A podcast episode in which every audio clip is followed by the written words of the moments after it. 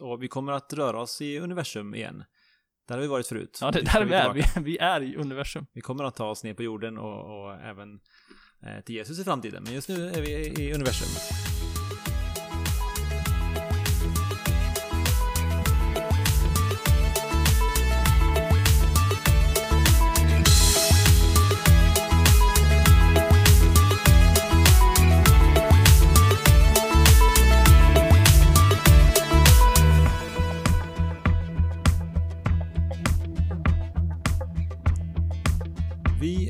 Tillbaka från härifrån Trovärdigt. Vi är tillbaka. Det känns eh, härligt. Eh, och vi ska spela in det här som nu blir vårt... Avsnitt nummer sex, tror jag. Mm, vi närmar oss tio avsnitt redan. Ja, det är grymt. Mm. Idag ska vi kasta oss på ett argument som inte jag kan så mycket om, men som Andreas kan mer om. Ja, jag hoppas det. Eller jag vet inte, det beror på hur mycket du kan. Men jag, jag har försökt läsa på lite om det eh, och introducera. Jag ska introducera oss för en, eh, en man som heter Gottfried von Leibniz. Von till och med. Alltså. Till och med en von Leibniz, en, eh, en tysk herre. Som har ett argument för Guds existens. Och vi kommer att röra oss i universum igen. Där har vi varit förut. Ja, det där vi är. Vi, vi är i universum. Vi kommer att ta oss ner på jorden och, och även eh, till Jesus i framtiden. Men just nu är vi i universum.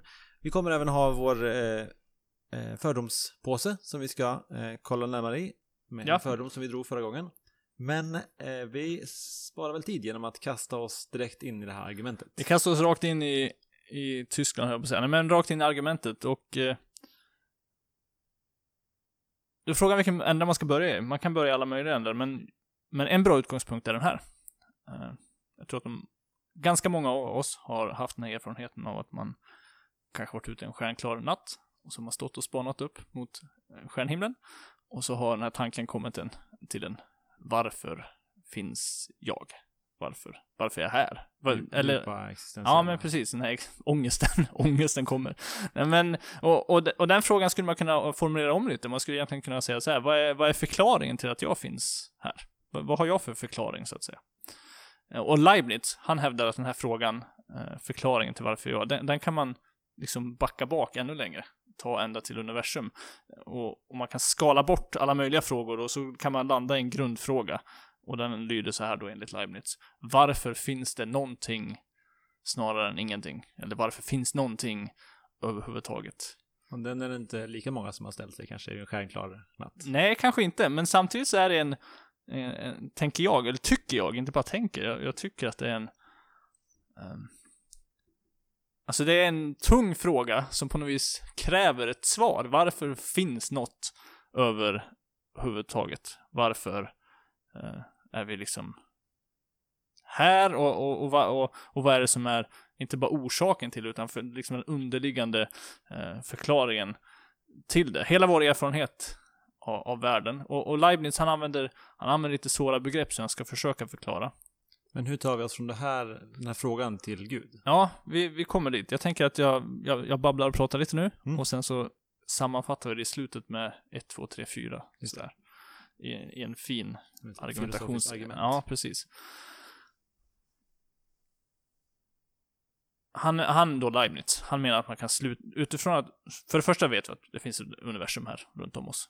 Eh, Och i vårt universum så omges, omges vi av alla möjliga saker. Hästar, eh, jag vet inte vad han om- omgavs av, det fanns inte bilar då, men vi har bilar, hästar, getter, gräs, träd.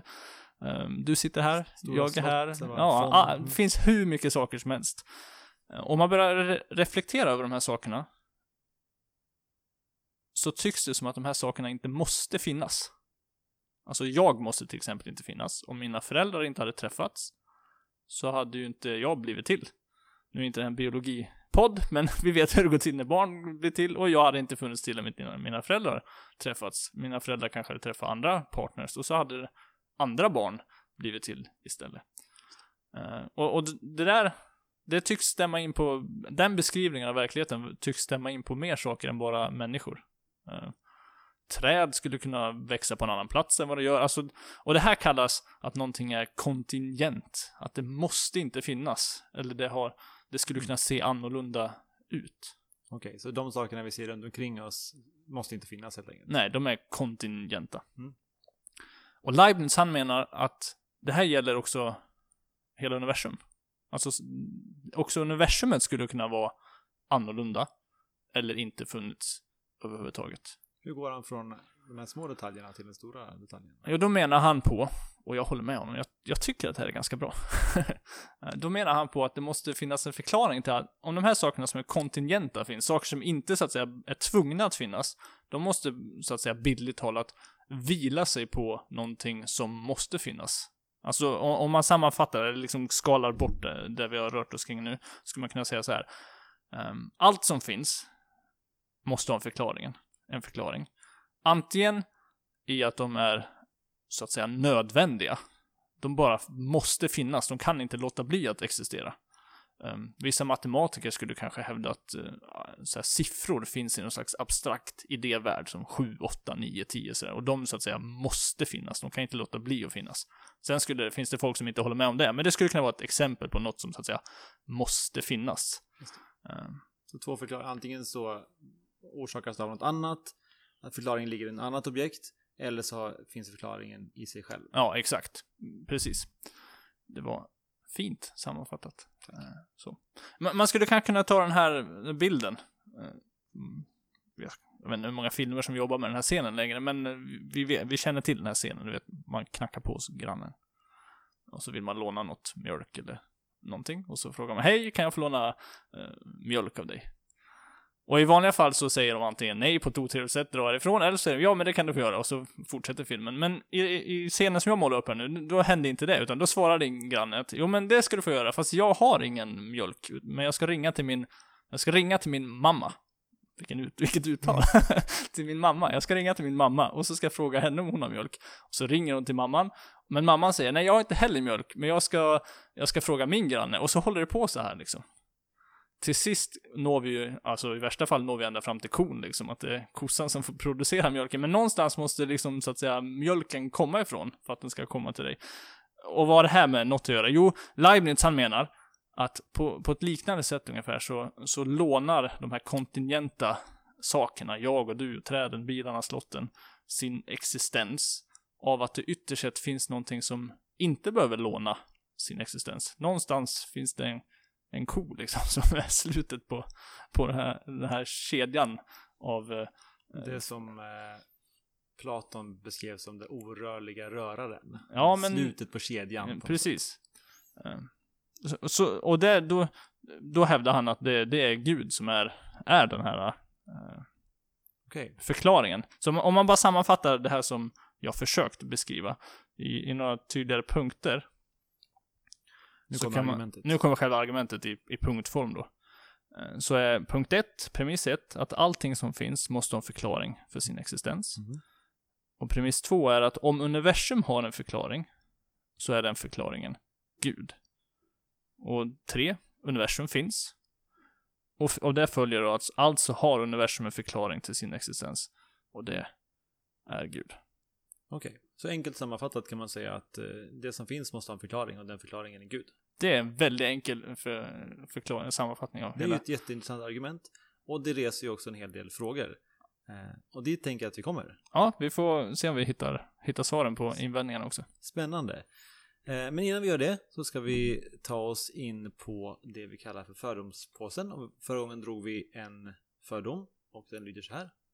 Kristen tro är arrogant eftersom den menar, menar sig ha hela sanningen. Så det här sanningspåståendet som kristna kommer det kan upplevas att man liksom säger att alla andra har fel eh, och jag har rätt. Och det låter ju arrogant, så då kan det inte vara rätt. Det låter arrogant. Jag vet, ja, om man köper, en del kan ju tycka det. Jag, jag tänker för det första att det där är ju eh, liksom psykologisk inställning. Att någon är arrogant. eller, ja, ja. Du tänker att det inte har så mycket att göra med sanningen egentligen? Nej, det kan ju vara, man kan ju vara superarrogant och ha rätt ändå. Who, som det var, jag tror det var du som sa innan vi började spela in här att eh, fakta bryr sig inte om dina känslor. Det är liksom, ja, so what kan man ju börja med att säga. Sen, men- men... det kan ju vara kanske ett arrogant sätt att bemöta den invändningen. Ja, men det, det, är en, det är en viktig poäng. Säg att, att, någon, att en hel klass, ett helt klassrum säger att 1 plus 1 blir 3. Och jag säger upp och säger haha, alltså ni idioter som tror det. 1 plus 1 är ju 2. På ett väldigt arrogant sätt. Så är det ju ändå sant. Mm. Så vi kan ju ta bort sanningen från eh, fakta i det här, i det här, eh, i det här tillfället. Och det här, eh, i djupare mening så kan man prata om ett, en filosofisk eh, del av det här där man säger att det, att det här är en invändning som inte funkar som kallas för ad hominum, alltså mot människan. Så man säger att bara för att människan är på ett sätt, eh, visst sätt så har han fel. Och man, men man kan inte argumentera det är ett felslut brukar man kalla det. Man kan inte argumentera att någon har fel beroende på vem den personen är. Nej, det följer ju inte där då. Nej, de har ingenting med saken varandra att göra. Eh, Jag vet att eh, ett exempel på det här är att man säger att en, en, en vetenskapsman äntligen kommer på botemedel mot cancer. Och eh, skryter om det, väldigt arrogant liksom. Och eh, ser ner på sina kollegor och tycker att jag ska få Nobelpriset liksom. Jag är grymmast. Eh, frågan är, om du visste om vem han var, skulle du inte ta botemedlet mot cancer då om du fick det? Jo, alltså du, du skulle ändå göra det. Ja. Det spelar ingen roll vem han är. Eh, så vi kan skilja på de två. Sen är det ju inte så att kristna ska vara arroganta. Man ska ju på ett sätt vara ödmjuk i sin framställning och man ska liksom eh, presentera på ett, på ett trevligt och fint sätt så ingen blir sårad av det.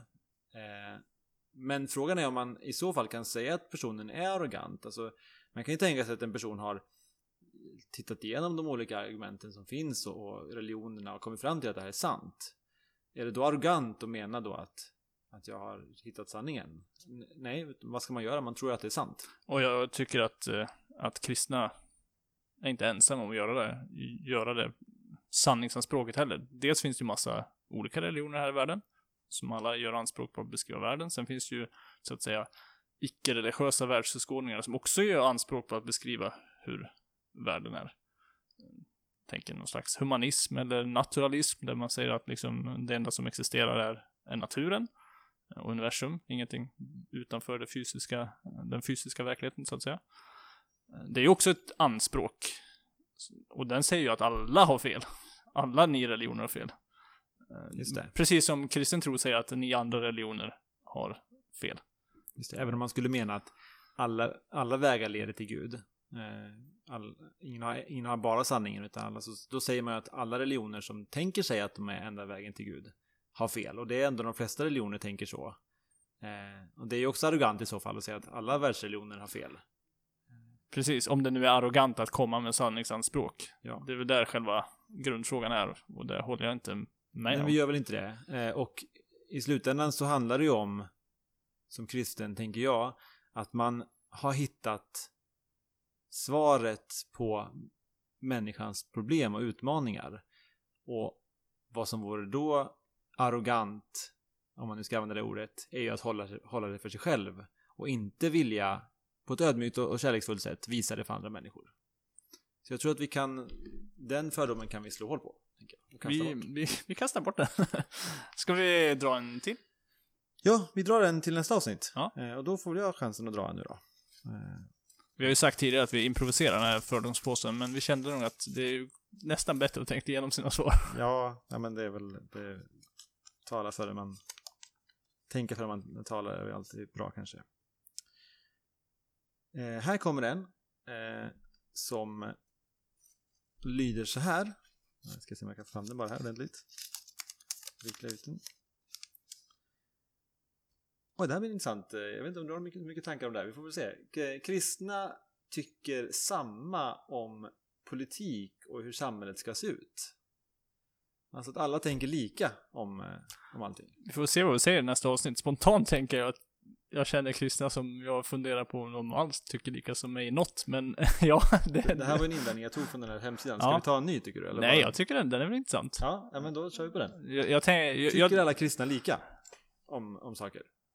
Ja, vi, vi suger ut på den. Se, och man kan ju fundera över vad som, nu blir det spekulationer såklart, men vad som kan tänkas ligga bakom en, en sån fördom också. Ja, Vad är det som gör jag har ändå hört den, så att Ja. det, det kan vara bra att fundera på. Ska vi återvända till våran vän eh, von, Von Leibniz. von Leibniz? Ja, men jag tänker att han behöver utmanas lite, den här gubben. Ja. I sina... Eh, Han, han, menar ju då bara för att recapa, han menar att, jag vet inte vad jag fick med det innan, men att universum är precis som alla saker i universum eh, också kontingent. Alltså det må, universum måste inte så att säga funnits, utan därför behöver också Gud. universum låna eh, en förklaring någonstans. Just det. Som med den här mjölken, den behöver låna mjölken någonstans. Men det första jag tänker då är ju för man drar en ganska snabb slutsats då till att det är Gud som är förklaringen. Hur vet man att det är Gud som är förklaringen till det här? Det tycks, och det, jag tycker att det finns skäl till det, eh, som att Gud är den, är den som liksom bäst eh, passar in i vad som skulle kunna vara förklaringen. För om, det är universum vi ska förklara till att börja med. Om universum då är, en definition av universum skulle kunna vara liksom all tid, rum och materia och vad nu mer som ingår i naturen så att Allting. säga. Allting helt enkelt. Allt, all, hela den fysiska verkligheten Mm. är universum. Eh, och om den är kontingent så måste det finnas någonting utanför tid och, tid och rum. Eller i alla fall liksom någon som går bortom tid och rum. Eh, det kan inte vara ett fysiskt ting. Eh, och Gud är immateriell, så där passar det ganska, ganska bra. Eh, det behöver vara någonting som som inte själv behöver låna sin liksom, existens av något annat, utan som sig självt är nödvändigt, som inte kan misslyckas med att existera. Och återigen, så du pekar på, ja, i den riktningen mot det som kristna och andra teister brukar mena med Gud, ett, liksom ett evigt väsen som Mm. alltid har funnits och kommer alltid finnas. Eh, det, ja, det, det är mycket som pekar i den riktningen på det här viset, att liksom när vi börjar analysera hur den här förklaringen eh, måste te sig, att det måste vara immateriell, det måste vara evig, det måste vara nödvändigt och så, som liksom, ja men det, det låter Gud, Gud liksom. passar väldigt bra in Ja, verkligen precis. Exakt. Just det. Eh, ja, men om det nu är Gud då som eh, är den som har orsakat det här, behöver inte han också ha en förklaring då? Vad är det som gör att man får ett undantag för Gud? Ja, vi gör faktiskt inget undantag för Gud. Eh, argumentet bara hävdar att allt behöver en förklaring till sin existens. Och, och, och det argumentet menar på att eh, Gud faktiskt också har en förklaring. Och ibland så blandar vi ihop eh, kanske förklaring och orsak. Det här skulle gälla även om universum är evigt. Säg att vi skulle ha ett evigt universum här, så skulle fortfarande frågan infinna sig. Varför finns det här eviga universumet här snarare än ingenting? Just det.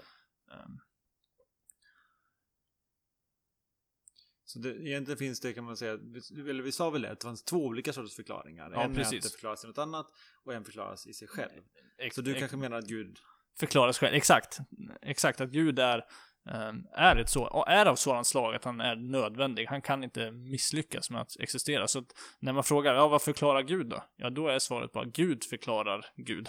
okej. Han, han, förklaringen ligger i hans eget väsen. Han är ett, ett, eh, för att använda ett svårt ord, eh, metafysiskt nödvändigt. Han, han kan, bara inte inte. misslyckas med att existera. Han kan inte inte finnas liksom. Nej, precis. Men då, det är ju, det är ju trevligt för, för den här som gör det här argumentet att sätta Gud i en sån position. Men då kan man inte lika gärna sätta universum i en sån position då och säga att universum är nödvändigt? Man skulle ju kunna tycka det, men det så har vi som, som vi har sett i tidigare avsnitt, så har vi idag i alla fall goda skäl för att universum inte är evigt ens en gång. Vilket börjat existera. Nej, precis. Som- Och det pekar väldigt starkt på att universum är kontingent. Det har ju en gång inte funnits, om man nu kan använda, inte i kronologisk tid, men liksom, eh, ja, det har funnits ett, eh, ett En gång när det inte fanns. Ja, exakt. Eh, Så- och, och, och sen finns det andra filosofer som har påpekat att universum består av något som kallas elementarpartiklar. Alltså, nu är jag dåligt inläst på fysik, men typ kvarkar och sådana prylar, som är liksom den minsta beståndsdelen. Eh, och de skulle kunna arrangeras om. Och vara på ett annat sätt. Mm. Vilket pekar starkt mot att universum återigen är kontingent. Det, det, det skulle kunna vara annorlunda. Hade det varit, så att säga, nödvändigt så skulle det liksom vara mer låst, att då var det som det var liksom. Men, men det tycks fysiken undergräva det påståendet att nej, universum skulle kunna vara annorlunda. Okej, och då om det kan vara annorlunda så skulle det också inte kunna funnits. Ja, precis. Ja, intressant. Så man, man, man kan inte göra det undantaget. Det passar inte att göra det undantaget för, för universum, men det funkar för, för Gud. Ja, det, är- det är en skillnad. Gud är av ett annat slag än vad universum tycks vara. Mm. Den, den, som, den som vill argumentera för att universum är, så att säga, nödvändigt. Jag kan inte, den får gärna skicka in mail. Jag kan inte ens komma på några riktiga liksom, skäl för att det känns väldigt intuitivt. Det är så här, är det att, ja men, universum skulle kunna låta bli att finnas.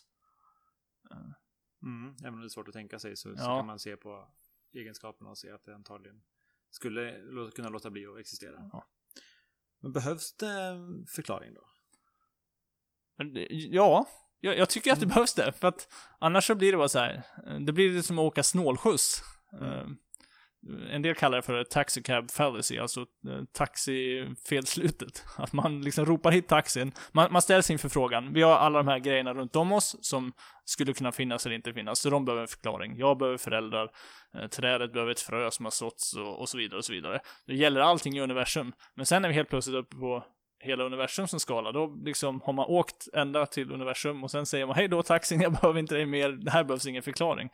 Eh, och det är väldigt svårt att se varför, varför skulle det gälla alla saker, alla andra saker förutom universum. Som, vad är det som händer magiskt när vi är på den liksom universella skalan? Det var som jag sa förut det här med att eh, bara för att någonting är, jag tror jag sa det i alla fall, att bara för att någonting är stort eh, så, så betyder det inte att det inte behöver en förklaring. Det är någon som har gett den här liknelsen att säga att du hittar en stor boll ute i skogen.